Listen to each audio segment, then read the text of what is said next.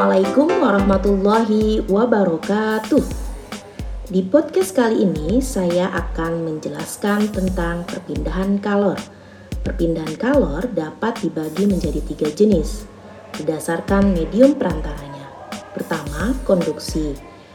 Perpindahan panas melalui zat padat yang tidak ikut mengalami perpindahan. Contohnya, knalpot motor menjadi panas saat dipakai. Kedua, konveksi Perpindahan panas melalui aliran yang zat perantaranya ikut berpindah. Contohnya, gerakan naik dan turun air ketika dipanaskan. Ketiga, radiasi. Perpindahan kalor tanpa zat perantara.